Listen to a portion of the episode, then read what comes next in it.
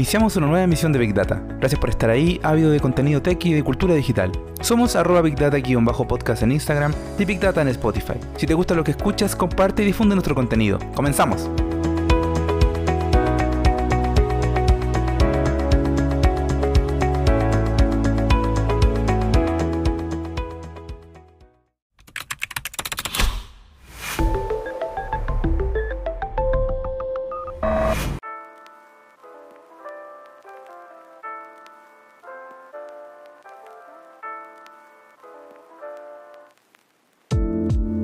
Hola, ¿qué tal? Bienvenidos y bienvenidas a Big Data en su capítulo número 12, este jueves 29 de julio. Estamos grabando este capítulo luego de que la semana pasada no pudiéramos grabar por problemas técnicos que ya les comenté a través de nuestro Instagram. Estamos contentos de volver con ustedes y comenzamos con la primera noticia. Apenas 25 megaciudades producen más de la mitad de los gases de efecto invernadero en la Tierra. El planeta Tierra sigue sufriendo las consecuencias de los gases de efecto invernadero de hecho, 25 megaciudades producen el 52% de todas las emisiones urbanas. De estas 25, 23 se encuentran en China.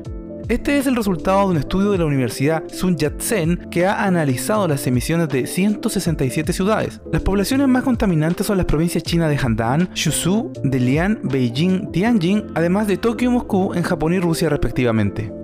Según el Daily Mail, China cuenta en la actualidad con 1.058 centrales eléctricas de carbón, lo que supone más de la mitad de toda la capacidad del mundo. Hoy en día, más del 50% de la población mundial reside en ciudades, apuntó Xiaoqing Chen, autor principal del artículo. Se informa que las ciudades son responsables de más del 70% de las emisiones de gases de efecto invernadero y comparten una gran responsabilidad por la descarbonización de la economía global.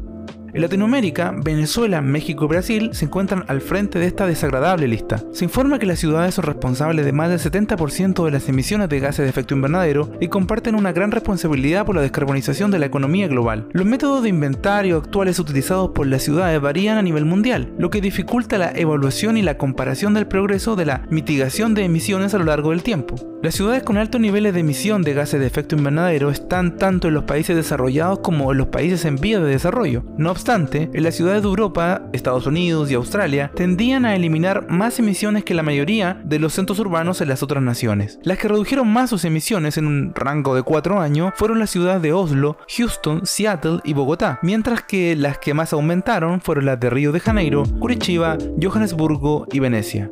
¿Cuáles son las ciudades más contaminantes de Latinoamérica? De acuerdo con el estudio, serían Caracas en Venezuela, en el puesto número 46 de todo el mundo, emitiendo 31.77 megatones de dióxido de carbono. Luego vendría Ciudad de México en la posición 49 con 30.69, Sao Paulo en Brasil en el puesto 58 con 24.95 y Santiago de Chile en el puesto 69 con 20.03 megatones. El equipo de investigadores propone la identificación de los sectores emisores clave para realizar estrategias de mitigación. Además, las políticas urbanas de reducción de gases de efecto invernadero deben ser monitoreadas. Finalmente, las ciudades tienen que establecer objetivos de reducción más ambiciosos. En una determinada fase, indica el Dr. Chen, la intensidad de carbono es un indicador útil que muestra la descarbonización de la economía y proporciona una mayor flexibilidad para las ciudades de rápido crecimiento económico y aumento de las emisiones.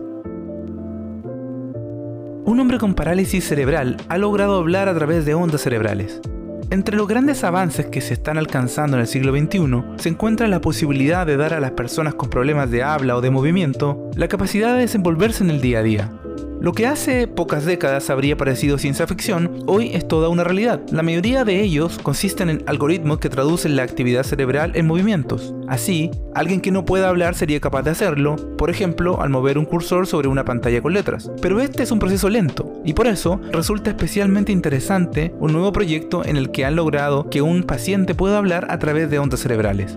Los responsables de este granito son los científicos de la Universidad de California, San Francisco. De momento solo han probado un dispositivo en un paciente, cuya evolución cuentan en un estudio en el The New England Journal of Medicine. Sin embargo, planean llevarlo hasta más personas dado que son muchos los pacientes que, ya sea por accidentes o enfermedades, han perdido la capacidad de moverse o hablar. Gracias a esto podrían comunicarse con las personas que le rodean y de este modo hacer que su vida sea un poquito más natural. Para la realización de este estudio, sus autores primero colocaron electrodos para medir las ondas cerebrales del paciente sometidos a intervenciones quirúrgicas. El objetivo era decodificar las señales que controlan el tracto vocal y analizar los patrones para predecir palabras. Pero para el siguiente paso, sí que necesitaban pacientes con dificultad para hablar y moverse. Por eso, hicieron un llamamiento en busca de voluntarios y el primero que acudió a su llamada y que cumplía con los requisitos fue un hombre de 36 años que sufrió un derrame cerebral a los 20. Como consecuencia, habría perdido la capacidad de hablar con claridad. Además, los movimientos de su cabeza, su cuello y sus extremidades estaban muy limitadas. Eso sí, sus capacidades cognitivas permanecían intactas. Hasta entonces, se había comunicado gracias a un dispositivo colocado en una gorra de béisbol que le permitía seleccionar letras mediante un puntero. Durante la fase de capacitación para hablar con ondas cerebrales, se le dio una lista de 50 palabras cotidianas tales como agua, bien o familia. Después, se le implantó en su corteza cerebral del habla un electrodo de alta densidad. Gracias a él, pudieron medir la actividad en esta región del cerebro durante 48 sesiones en las que fue intentando decir las palabras anteriores. No lograba decirlas, pero el simple intento quedaba registrado en el implante. A continuación, utilizaron inteligencia artificial para diseñar un algoritmo capaz de relacionar esta actividad cerebral con palabras, hasta el punto de formar frases que se escribían directamente sobre la pantalla. Es cierto que las frases no eran es cierto que las frases no eran siempre perfectas y de hecho la precisión solo alcanzó un 75%. Sin embargo, un sistema de corrección de texto sencillo, similar al que usamos los teléfonos móviles, pudo corregir los errores aumentando aún más porcentaje.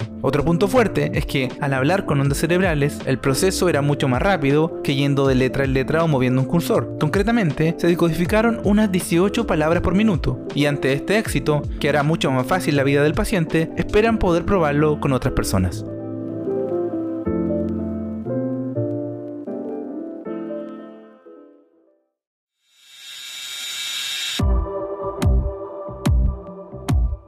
Japón bate el récord de velocidad de Internet al alcanzar 319 terabytes.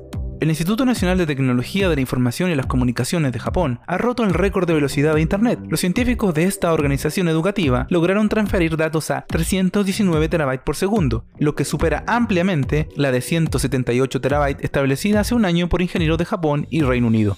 No queda duda de que se trata de una velocidad de internet impresionante, dado que con 319 terabytes sería posible, por ejemplo, descargar 10.000 películas de alta definición de unos 4 GB cada una en tan solo un segundo. Asimismo, queda muy por encima de los 100 o 300 megabytes que ofrecen las conexiones hogareñas de promedio en la actualidad, aunque esto varía según el lugar en que vivamos. Los científicos utilizaron una nueva tecnología de cables de fibra óptica para sus pruebas de velocidad de Internet. Por lo general, estos elementos de transmisión cuentan con uno o dos núcleos y capas de revestimiento para proteger los datos. El nuevo sistema es capaz de albergar cuatro núcleos sin aumentar de tamaño o comprometer la fiabilidad. Los ingenieros utilizaron una enorme cantidad de fibra óptica que simulaba una distancia de 1864 millas, es decir, 2.999 kilómetros. A través de él dispararon un láser de 552 canales en diferentes longitudes de ondas. La señal fue implicada con dispositivos fabricados con tierras raras como tulio y herbio. Puede que pase mucho tiempo para que los 319 terabytes de velocidad de internet alcanzados en Japón puedan ser experimentados fuera de este laboratorio. No obstante, el mayor avance está en que el cable de fibra óptica de cuatro núcleos y su posible utilización por parte de proveedores es muy importante.